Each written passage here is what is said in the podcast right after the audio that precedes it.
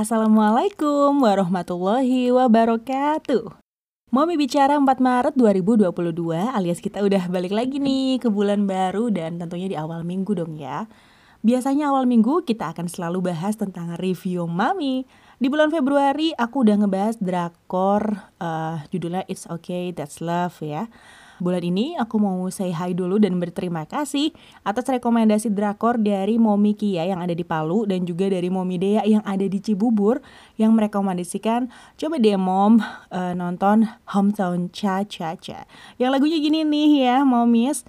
La la la la la la la la. Maaf kalau suaranya fals. So ini adalah review drakor Hometown Cha Cha Cha versi Momi Bicara. Hometown Cha Cha Cha. Ini adalah drama Korea yang totalnya ada 16 episode dan termasuk drama yang belum lama sih ya baru tahun 2021 Agustus bulan lalu ya tahun lalu. Belum ada satu tahun dan ini tuh salah satu drama yang termasuk di Indonesia bisa dibilang rame sih. Sering banget muncul di TikTok terus juga di Instagram juga di Twitter. Tapi waktu pas lagi hype-hypenya nih pas lagi rame-ramenya aku nggak nonton. Kenapa? Karena pemainnya bukan favorit aku. Maaf ya uh, Mas Kim Seon Ho dan Mbak Shin Min Ah. Walaupun kalian adalah pasangan yang luar biasa cute karena sama-sama punya langsung pipi, eh sama lo aku juga punya.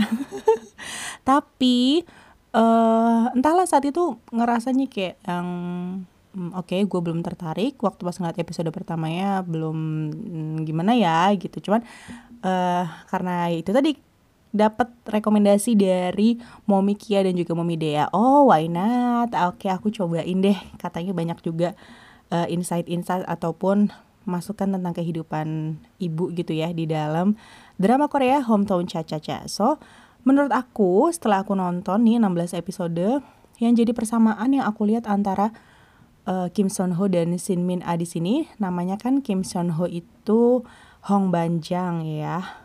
Uh, Hong Dusik sih sebenarnya nama aslinya di situ. Cuman panggilannya Hong Banjang atau kepala Hong, ketua Hong gitu. Karena dia itu selalu ngebantuin orang-orang yang ada di desanya dia itu desanya di pinggir pantai. And then Sin Min A di situ namanya Ye Jin, seorang dokter gigi yang terpaksa buka lapak. Buka lapak klinik gigi di pedesaan karena mendapat iming-iming. Di sini jarang loh ada dokter gigi dan kalau misal kamu ke sini kesempatannya lebih besar peluangnya karena pasti banyak yang uh, pengen datang kan ke klinik gigi. Tapi ternyata nggak semulus itu jalannya. Tapi aku nggak ngebahas tentang jalan percintaan atau uh, kisah hidupnya mereka berdua tapi aku ngambil dari sudut pandang oh ternyata si Hong Banjang dan si Hye Jin ini punya kesamaan mereka sama-sama besar tanpa orang tua kalau Hyejin tanpa ibu, jadi dia sempat merasakan lah ya sampai umur berapa itu di filmnya, di seriesnya ibunya itu membesarkan dia sambil sakit-sakitan. Dia sering banget ngeliat ibunya tuh sakit, terus terlihat lemah gitu ya. Uh, sampai-sampai sifatnya jadi keras dan aku sih ngerasanya ya aku lihat ya di drama itu sikapnya itu sundere.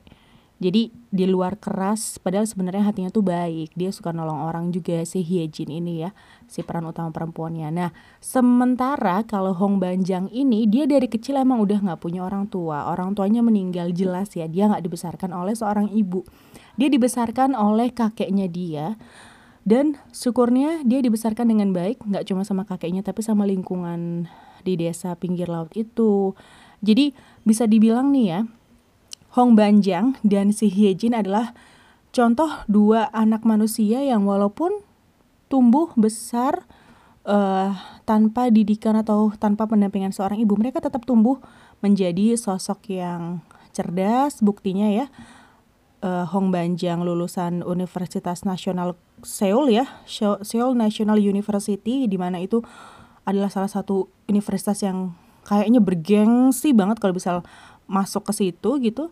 Terus juga si Hyejin sendiri adalah seorang dokter gigi. Tentunya nggak mudah dong ya dapat gelar dokter gigi dan bahkan bisa sampai punya klinik. It means mereka berdua sama-sama tumbuh jadi orang yang baik walaupun tanpa pendampingan seorang ibu. So I think that's good ya menarik di situ loh uh, sudut pandangnya terlepas dari kisah cinta mereka yang akhirnya saling tarik ulur yang awalnya nggak saling ngaku. Terus uh, Hong Banjang sendiri agak susah membuka diri untuk si Hyejin karena mikirnya aku takut kehilangan lagi karena ternyata dia punya trauma ditinggal yaitu tadi. Dari kecil udah ditinggal orang tua kemudian ditinggal sama kakeknya kemudian juga ditinggal sama sahabatnya dia ketika di asrama dia sempat merasa bersalah. Dan ketika dia merasa bersalah dan dia merasa seolah seolah seluruh dunia itu memusuhinya sedih banget deh. Salah satu uh, adegan ketika dia tuh jalan di pinggir jalan kayak mau bunuh diri gitu di jembatan itu dia lagi terpuruk terpuruknya banget.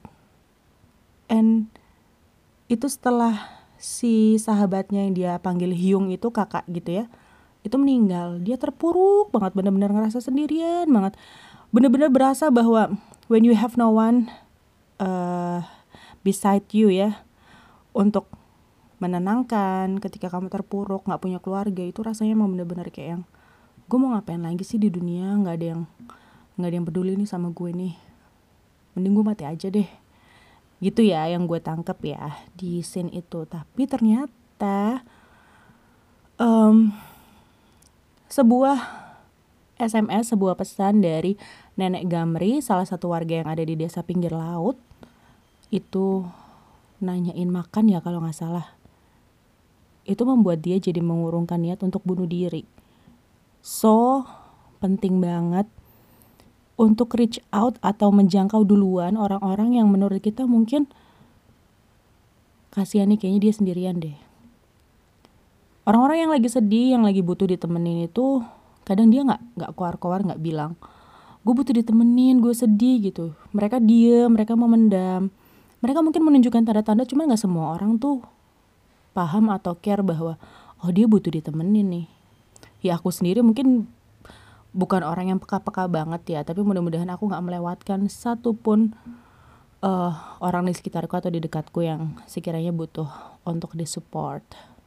Dan lucunya lagi nih bentuk supportnya tuh kadang kita mikirnya kayak yang ribet gimana gitu tapi di series ini ya ketika Hong Banjang pulang ke desanya nggak lagi kerja di Seoul gara-gara ada masalah uh, si uh, temannya itu meninggal itu dia kan kayak depresi berat banget kayak yang aduh gue nggak bisa ngelanjutin hidup gue mau gimana lagi gitu si nenek Gamri tiap hari nganterin makan nganterin makan terus lama-lama orang-orang tuh ngedeketin dia buat uh, minta tolong sampai akhirnya dia bisa bangkit lagi itu menunjukkan bahwa Jangan pernah benar-benar sendirian ketika kamu lagi ngerasa sedih atau galau atau lagi putus asa.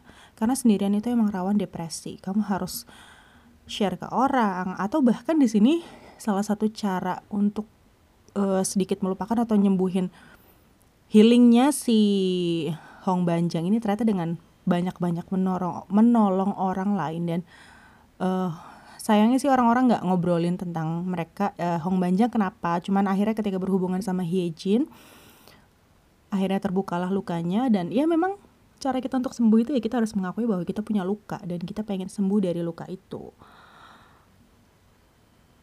Jadi intinya si Hong Banjang ini walaupun dia tidak dibesarkan oleh orang tua lengkap, tapi dia dibesarkan di lingkungan yang baik. That's why dia tumbuh menjadi pemuda yang baik juga. Salah satu catatan nih ya buat uh, all single mother ataupun anak-anak yang tumbuh tanpa orang tua, mudah-mudahan kamu ditempatkan di tempat yang baik, di lingkungan yang baik. Jadi, walaupun kamu tidak diberikan pendampingan sama orang tua, tapi kamu didampingi sama orang-orang baik. Mudah-mudahan ya, amin. Terus sekarang kita bahas si Hyejinnya nih, yang dia tumbuh melihat orang tuanya, ibunya sih tepatnya, sakit-sakitan, sampai kemudian meninggal. Buat dia itu adalah momen tidak menyenangkan bahwa ibunya tuh menurut dia egois. Orang tua itu harusnya sehat, dan nemenin anaknya sampai gede.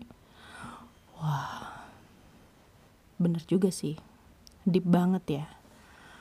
Di situ jadi mikir bahwa kadang kita sebagai ibu sering mengabaikan kesehatan, kayak kita begadang ngurusin rumah ataupun kita sampai lupa makan, lupa bebersih diri gitu ya.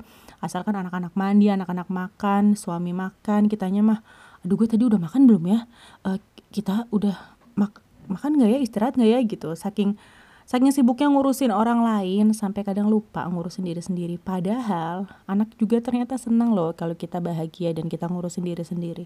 Itu sih yang aku tangkap dari kata-kata ketusnya Ye, Yejin itu bahwa orang tua tuh harusnya mikirin diri sendiri dia harus bahagia uh, orang tua tuh harus sehat biar bisa nemenin anaknya something like that and buat Heijin juga ada pukulan besar ya mungkin bisa dibilang trauma juga ketika melihat ayahnya menikah lagi setelah ibunya nggak ada dan menerima orang baru di dalam kehidupannya sebagai pendamping ayahnya pasti bukan hal yang mudah. Itu hal yang sangat berat.